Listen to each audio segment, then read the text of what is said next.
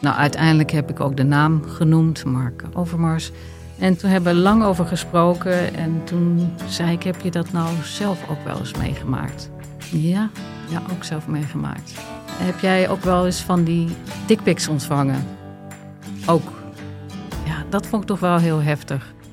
Ben je benieuwd naar deze verhalen en wil je niets missen? Via podimo.nl slash gonzo luister je 30 dagen gratis naar Gonzo op Podimo. podimo.nl slash gonzo Schaamteloos Randstedelijk is dé podcast voor jonge mensen in de stad op zoek naar houvast. Iedere aflevering houden wij, Doortje Smithuizen en Perre van den Brink, de jonge steling spiegel voor. Hoe erg is de wooncrisis voor millennials? En kan je eigenlijk nog wel vlees eten? En is natuurwijn helemaal super of is het totaal overbodige luxe? Wij zijn jouw gids binnen de Randstedelijke bubbel. Luister nu naar onze podcast Schaamteloos Randstedelijk. Overal waar jij je podcast luistert.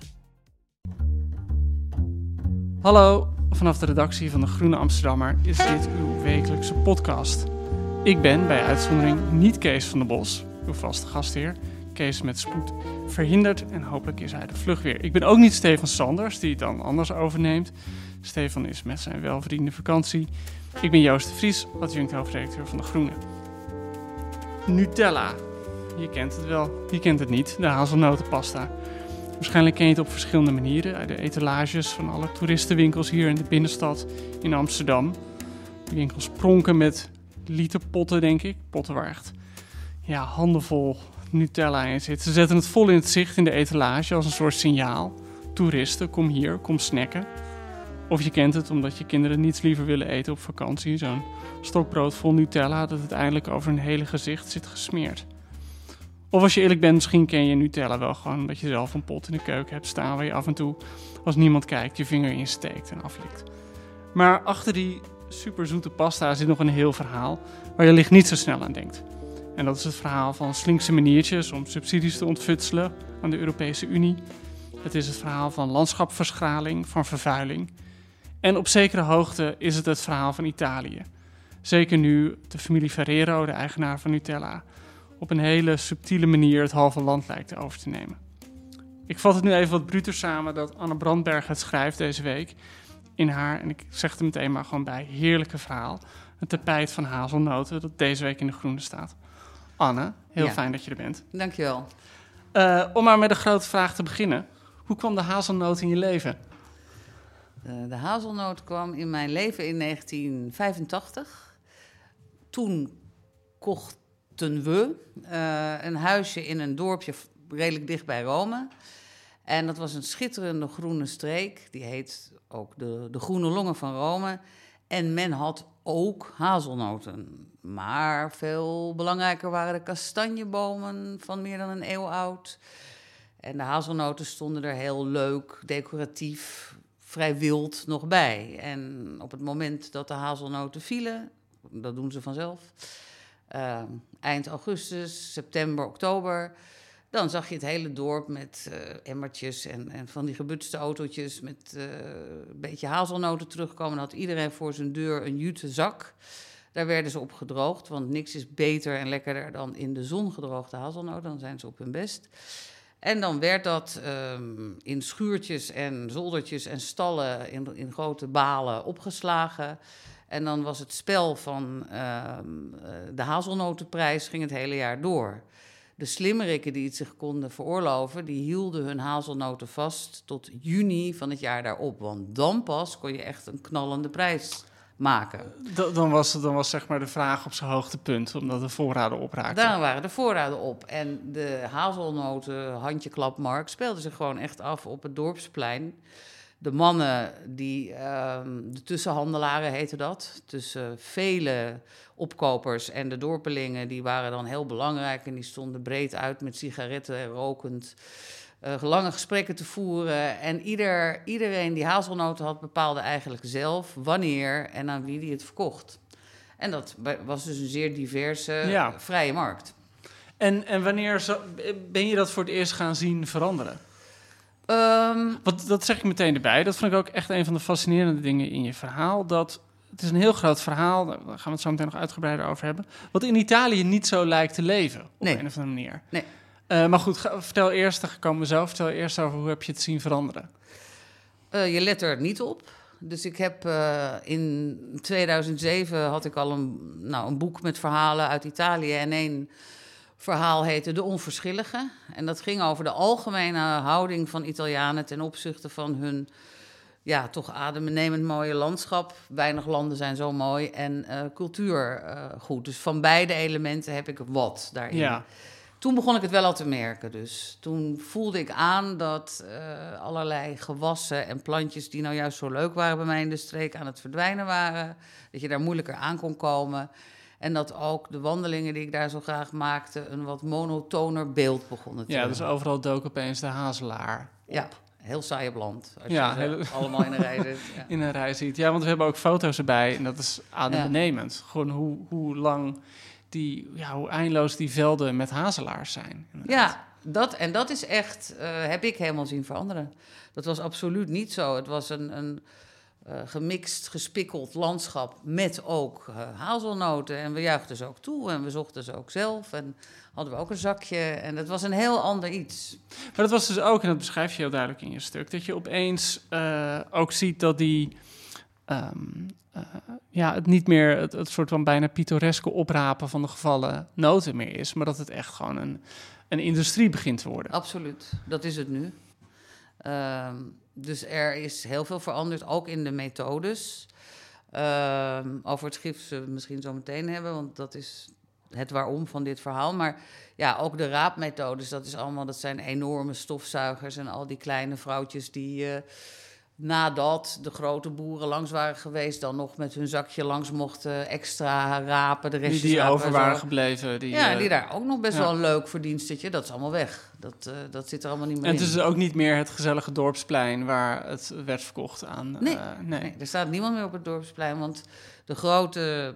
Ja, dat mag je daar zo niet zeggen. Dan wordt iedereen meteen heel, heel hysterisch. Nee, nee, het is niet van Ferrero. Ik noem het toch wel de grote Ferrero-schuren onder dekmantels. Die zitten nu eh, ja, eh, ergens op het land met eh, grote parkeerterreinen ervoor. Daar worden de hazelnoten ongezien en zonder te onderhandelen afgeleverd. En de prijs hoort men wel na afloop. En dat is natuurlijk, daarmee is dus dat hele streek, ehm, ja, st- streekmarkt, zou je kunnen zeggen, verdwenen. Het verdwijnt onmiddellijk naar de schuren van Ferrero en je ziet ze niet meer terug. En je hoort na afloop wel wat je ervoor krijgt. Maar als, als eh, want, want ik zei al van op een of andere manier, eh beschrijf je natuurlijk op een of andere manier, leeft dit, is dit niet echt gewoon een groot onderwerp in Italië. Hoe is het dan voor jou gegaan dat je die kleine ontwikkeling in je eigen dorp ziet? Terwijl, eh, en, en in je stuk werk je natuurlijk uit dat het niet alleen jouw dorp is en ook niet alleen jouw streek, maar dat het ongeveer van, van eh, zich half Italië eh, lijkt Ja, af. en, en ook nog wel echt het meest eh, geliefde Italië, het meest toeristische Italië. Echt de aanzichtkaartstreken. Ja, Toscane, Umbrië en dus Lazio. Nou, degene door wie ik echt wakker schoot is, dat noem ik een beetje in dit stuk, maar daar heb ik wel een heel apart verhaal ook een keer over gemaakt, is de filmmaakster Alice Rohrwacher. Dat is in Italië een, ehm, een eh, nou, heel erg eh, hoog aangeschreven avant-garde eh, filmmaakster. En zij woont niet ver bij mij vandaan, dus zij woont aan het meer van Bolsena, is daar echt geboren en getogen, gebruikt dat landschap ook in haar films. Is ook echt een heel belangrijk onderdeel van haar films, dat soort landschap. En zij stuurde een welke noodkreet. films heeft ze ook weer gemaakt? Zij heeft twee films gemaakt die heel hoog in de prijzen zijn gevallen. Eentje is ehm Le Meraviglie, De Wonderen. Eh, die heeft echt eh, de juryprijs van Cannes gewonnen in 2014. Gaat helemaal over dat landschap. En eh, een andere is Lazzaro Felice. En die heeft in Cannes de prijs voor beste scenario ge- gewonnen. Oké. En zij, zij is gewoon... de zus van Alba, toch? Die, ja, die Ja. hele bekende actrice. Ja, Ja. zo'n fascinerend gezicht. Ja, Ja. Eh, maar goed, zij heeft dus de noodkle... De, de, Ja, de zij, zij schudde mij wakker Ja. dat het niet iets was van, nou ja, hè, weet je, steeds Iets- meer ja, ja. eh, dingetje van mij. Ik kan geen Finocchio meer plukken, weet je wel, dat gevoel. maar ineens, oh shit. Want zij heeft dus echt een brief gestuurd naar La Repubblica. Wat, ja, je kan zeggen de Italiaanse volkskrant is. Ehm, en daarin eh, omschrijft zij het plan eh, Hazelnoot Italië, waar ik niks van af wist. En waar ook niemand bij mij in het dorp ooit iets over had gezegd. Het klinkt bijna zo als een militaire operatie, hè? Nou. Dat, dat hazelnoot Italië. Ja. Ja. ook zo echt hazelnoot Ja. Italië. Inderdaad, niet gewoon ontwikkeling van... Nee, nee, nee, maar gewoon als een feit. Ja, Ja. hazelnoot Italië. Gewoon geen, eh, geen Ja. nuance. En, en waar komt dat plan precies vandaan? Nou, je raadt het al. Eh, de producent van eh, Nutella is Ferrero. Dat is eh, de exorbitant rijkste man van Italië. Silvio Berlusconi is een kruimeltje bij Ferrero vergeleken. En het eh, op zich grappige van Ferrero is dat hij nooit en te nimmer voor het voetlicht treedt, zich niet met de politiek bemoeit, op geen enkele manier loopt te pochen met wat hij heeft. Dus je let er ook niet zo op allemaal. Maar deze waanzinnig rijke man, die heeft dus eh, in eigen land, waar hij achter de schermen alle contacten wel degelijk heeft, eh, voor elkaar gekregen dat hij één op één met deze aanzichtkaartregio's een akkoord heeft kunnen tekenen. Dus dat hazelnoot Italië. Waarin eigenlijk zonder dat iemand er verder in is gekend, behalve oké de voorzitters van die regio's, eh, enorme lappen grond, ehm, zoals ik het zie, ten prooi gaan vallen aan een, eh, aan een monocultuur van hazelnoten met alle ellende van dien. En dat is ook natuurlijk in landschappelijk opzicht ongelooflijk dat je die streken voor dat gaat gebruiken. Maar waarom, waarom doen de streken eraan mee dan? Ja, ehm, het waren trouwens ook nog eh, door eh, links bestuurde streken, alle drie. Ja. Ehm, werkgelegenheid, nou dat kunnen we onmiddellijk eh, ontkrachten, dat is echt niet waar. Eh, Ferrero heeft eh, ehm, sinds 1994, toen was er een hele grote overstroming die de Ferrero-fabrieken in het noorden onder water heeft gezet. En daar zijn de aantallen van bekend. Dus toen hadden ze 40.000 werknemers, eh 4 punt zoveel miljard eh, eh, omzet. Ja. En het speelde zich erg in Alba af. Nou, vandaag de dag is de omzet vervierdubbeld. Eh en hebben ze 38.000, dus minder werknemers, Minder dan werknemers, toen. inderdaad. Dus de werkgelegenheid kunnen we schrappen. Maar je kan je ook voorstellen dat dat hele proces een stuk gemechaniseerd is. En Uiteraard. Ja. Ja. En Ferrero is ook heel slim, want in een streek als de onze, waar je dus niks hoeft op te starten, maar waar je in wezen een bestaande structuur binnensluipt en je die helemaal toe gaat harken, want dat hebben ze gedaan. Ehm, ja, dat zijn allemaal zelfstandige boeren die ook allemaal zelf het risico lopen. En eh, Ferrero komt alleen plukken, maar niet investeren.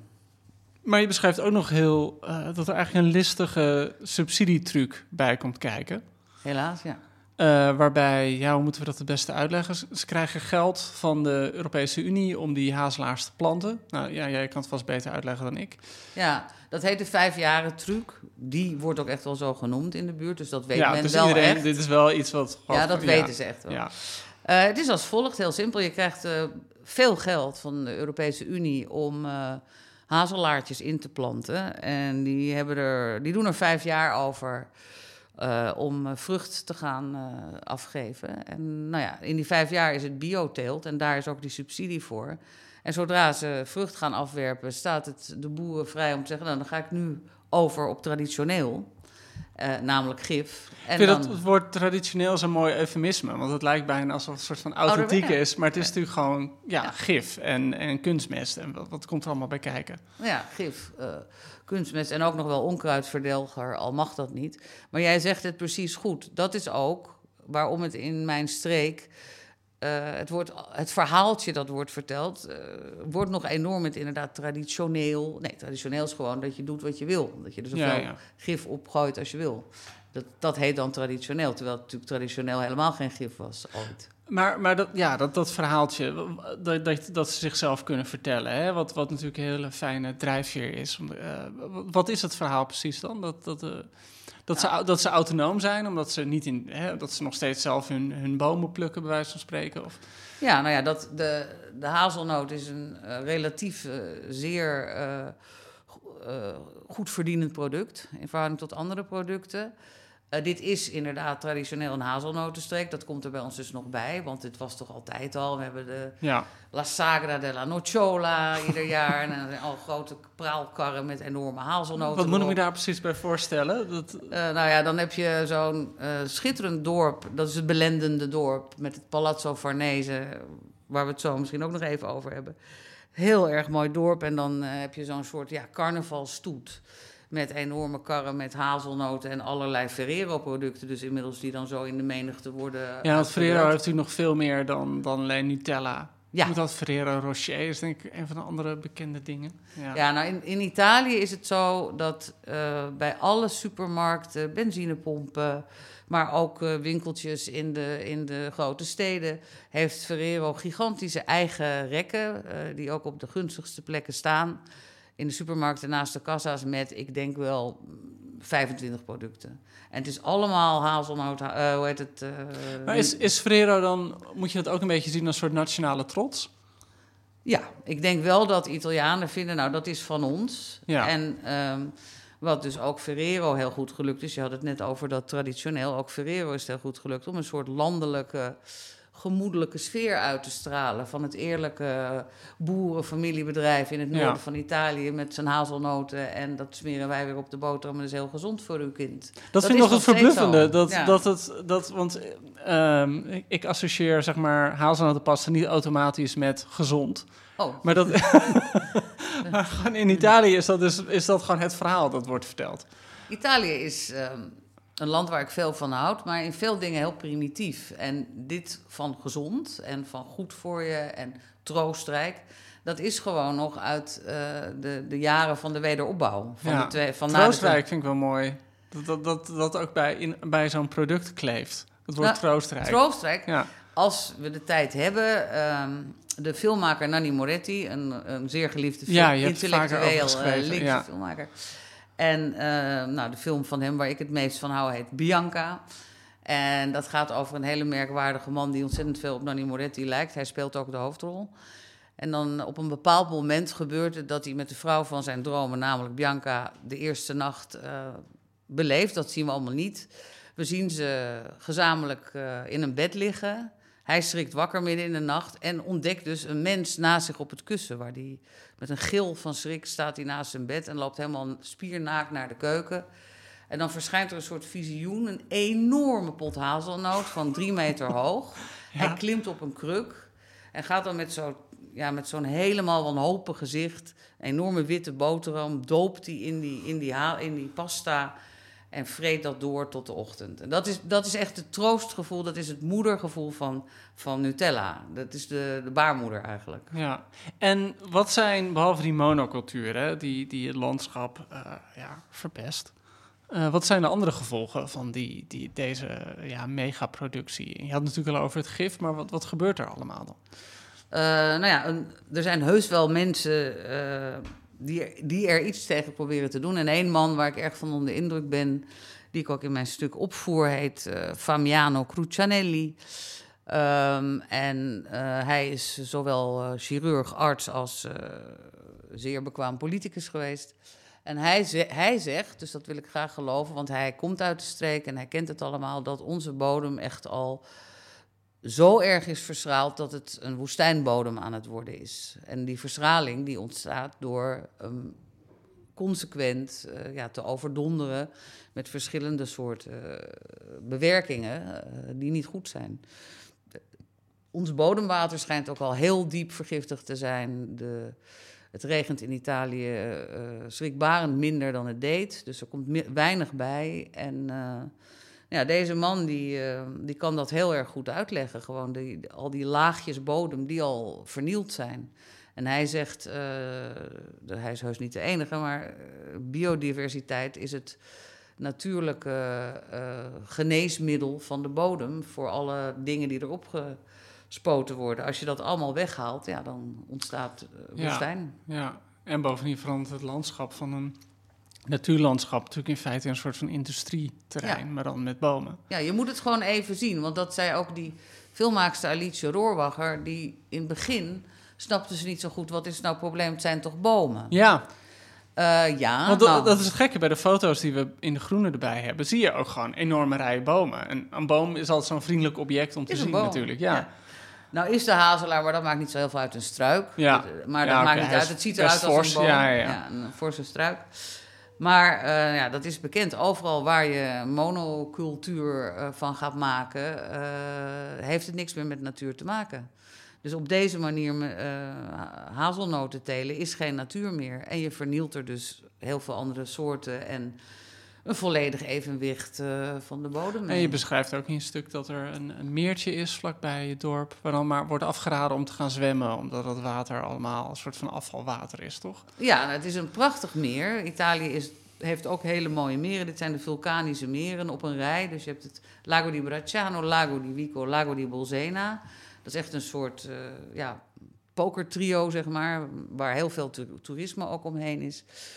Uh, en dit uh, meer van ons is van deze drie het kleinste, maar was wel altijd het schoonste. Want het ligt het hoogst, dus er kunnen geen rioleringen van dorpen in. En uh, nou, helemaal gevoed door, door natuurlijke bronnen en regenwater. Helaas zijn de oevers rond dat meer plat. En daar staat, want het is de allerbeste bodem ter wereld voor hazelnoten. Dat staat dus afgeladen met hazelnoten tot ongeveer in het water. En vooral al die producten die daarin verdwijnen. En wij dachten maar steeds, goh, vreemd dat je met bultjes uit het water kwam en zo. En daar werden dan allemaal onzinnige excuses voor verzonnen. Ja, nee, dat waren de larven die uit de bomen vielen. Ja, de nee. of zo. Ja. ja. dat waren niet de larven die uit. Dat, dat is roodalg, heet dat. Ja. En dat ontstaat door een mix van chemische rotzooi. Ja. Je had het, je had het eh, eerder in het gesprek over dat je in 2007 een boek had geschreven over Italië en dat je het had over het onverschillige. Ja. Waar zit het? Want hè, je beschrijft ook in dit stuk eigenlijk, de, de, en daar moeten we het nu eigenlijk zo over hebben, dat ook als je in je, je dorp hierover gaat praten, dat mensen het eigenlijk niet willen weten. Nee, nee, nee. En je, je hebt echt dat je bij een oude kruidenier langs gaat die je ongeveer de huid vol scheldt van sodemieter op mensen, ik wil het hier helemaal ja, niet over hebben. razend. Een heel andere man werd het. Ja. ja. Maar zit- waarom willen ze het niet weten? Zit dat- is dat onverschillig of is dat wat anders? Waar, Nou, waar in dit geval is het gewoon winst. Want Ja. eh, bijvoorbeeld deze kruidenier heeft inderdaad aardig wat hectares. En dat zijn gewoon duizenden en duizenden euro's per jaar. Eh, dus in dit geval is het ook, eh, ja, omdat ze ervan leven. En dat geldt ook eh, nou, voor, voor bijna alle dorpsgenoten. Eh, het onverschillige wat ik bedoel is ook gewoon schoonheid die er is. Ehm, ja, als hij nergens toe dient, eh, kan het kapot. En gewoon dingen waar wij flauw gevallen. Klein voorbeeld dan. ehm, ook in mijn dorp heb je het kasteel van Giulia Farnese. En Giulia Farnese was een heel beroemde dame. Want die is op eh walgelijk jonge leeftijd aangewezen door de Borgia-paus als zijn minnares. En dat heeft ze bijzonder lang volgehouden. Wat heel knap was in die tijd. Ja, als je echt tien Ja, ja. jaar lang de favoriet bleef, dan had je het heel goed Had gedaan. je skills? Ja, dan had je het echt goed gedaan. Ze was ook heel goed in eh, het manipuleren van haar familie richting de macht. Dus haar broer is het verhaal, is, is paus geworden dankzij haar. Dat heeft ze allemaal, enzovoort. Zij, zij was natuurlijk toen ze uitge... Ja, hoe zal ik het zeggen? Toen ze niet meer van nut was als ja, minnares... Toen ze uit de gratie was. Uit de gratie was ze voor de familie Fornese, die andere ambities had, een beetje embarrassing. Dus ze hebben haar een werkelijk schitterend kasteeltje in mijn dorp toebedeeld, waar zij ook echt eh, ja, landheer, landvrouw van, Ja. van werd. Dus ook van de gronden. En dat heeft ze heel goed gedaan. Dus je ziet dat het echt een vrouw was die wat kon, want ze, ze kon dat heel goed. Prachtig kasteeltje. Eh, dat is eh, jarenlang volkomen verwaarloosd, in privéhanden terechtgekomen. En om een lang verhaal kort te maken, dat is nu gewoon door zijn hoeven gezakt. Dus de fresco's met het levensverhaal van Giulia Farnese, waarin ze ook haar emancipatie via Ja, een ja. eenhoorn, dat is allemaal weg. En daar wordt in het dorp Inkluis de burgemeester over gedaan van, ja, het dak is ingestort. Ja, oud. en Weg. Niet ja, nodig. gek, 1400 zoveel, nooit wat aan gedaan. Ja, heel gek. Dus dat is die onverschilligheid Ja, die er... Die en er- dat, terwijl ik echt met tranen in mijn ogen, wat? Ja. En dan, ja, nou ja, eh, Terwijl in zoveel andere landen het gewoon tot, tot in de vierkante millimeter waarschijnlijk gerestaureerd zou zijn. Dit En, zou een eh, hele ja. Farnese tour kan je daarvan maken. Ja. Dan doe je eerst dat grote palazzo ernaast, in het dorp ernaast. En dan, en dit is ook een heel bijzonder verhaal van die vrouw. Er zijn tv-series, zeer succesvolle tv-series waarin ze wordt opgevoerd. Maar haar echte kasteel is dus gewoon niet meer, kunnen we nooit meer zien. Maar kijk, je schrijft nu over een onderwerp dat, eh, hè, dat, beschrijf je ook in je stuk. Eh, de reacties op in het dorp zijn best fel. Mensen willen dit niet echt weten. Ik vraag me af hoe dat voor jou is. Want ik kan me voorstellen, ben je correspondent in een miljoenenstad als Rome en eh, of, of Milaan. Hè, dan kan je redelijk anoniem je gang gaan.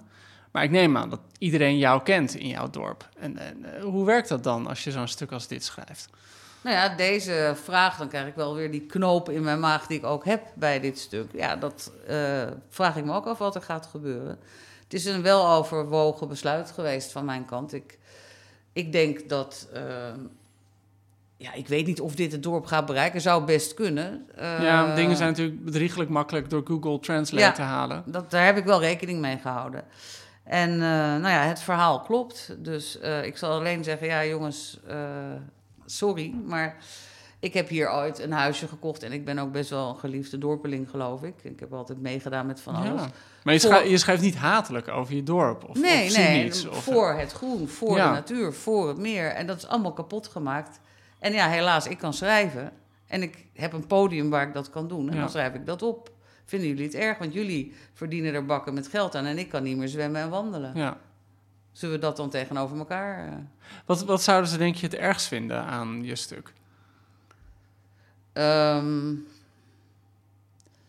nou ja, ik denk eh, om het om zichzelf op deze manier eh, afgebeeld te zien. Dus je komt nu in een blad met een eh, pot met Nutella op de cover met doodshoofden erin. Ja, Ik denk niet dat ze daar vrolijk van worden, want ze eten allemaal ook nog heel enthousiast Nutella.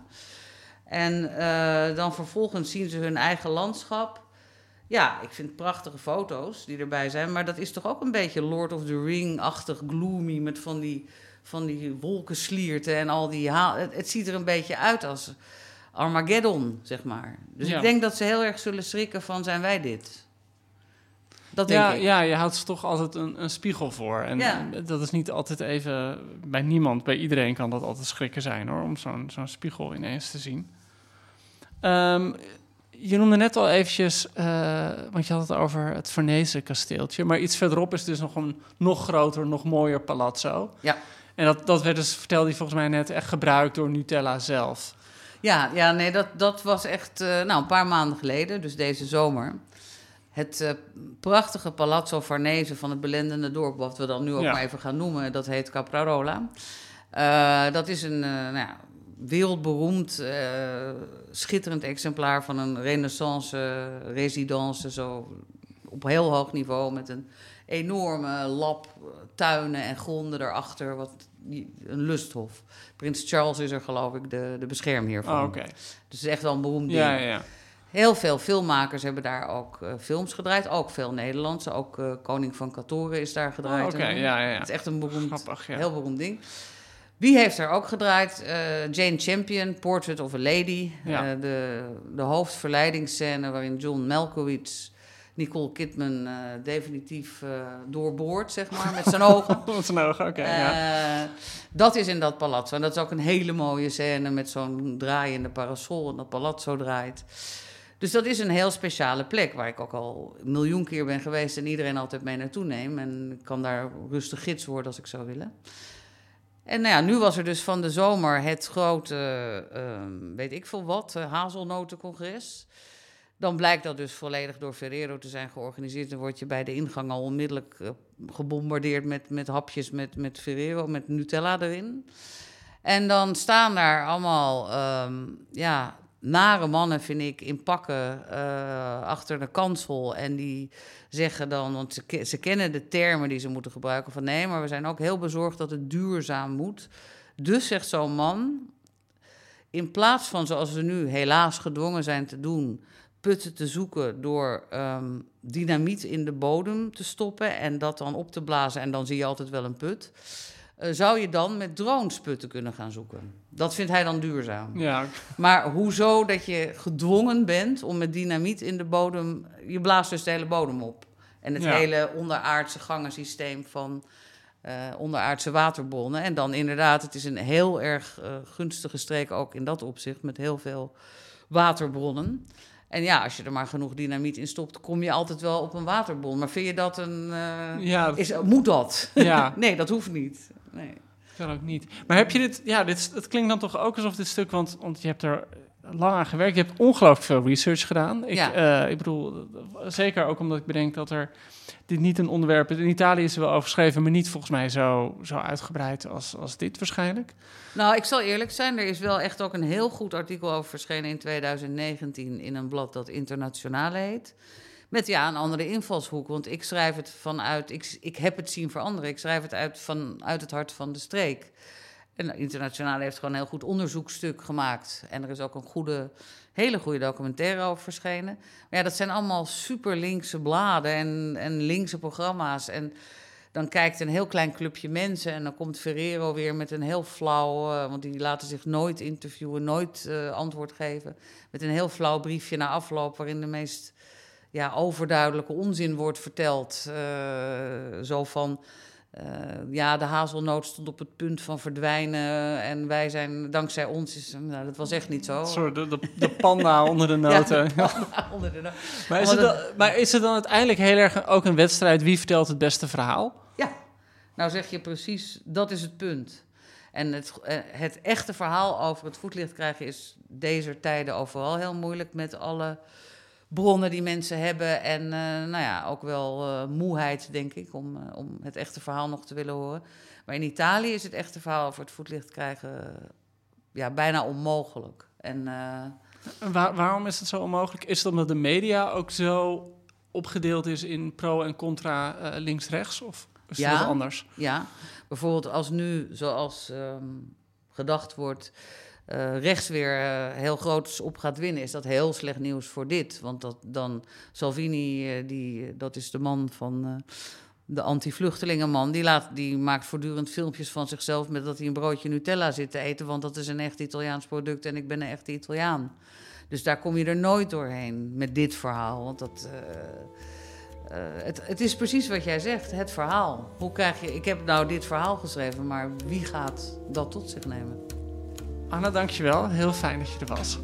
Deze week ook in De Groene een heel bijzonder stuk over de executies in Myanmar van vier dissidenten.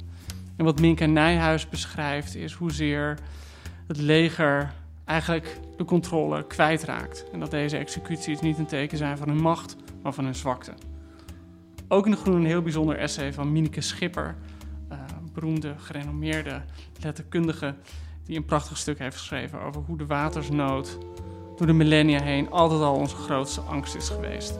Volgende keer hopelijk is Kees van der Bos er weer. Ik was Joost de Vries, ik was en ben Joost de Vries. Deze podcast werd geproduceerd door Daan Stoop en Gaia Kemoes. Alle stukken die ik noemde zijn te beluisteren en te lezen op www.groene.nl en op www.groene.nl voor een prikkie, dames en heren, kunt u ook een abonnement nemen, uiteraard. Tot volgende week.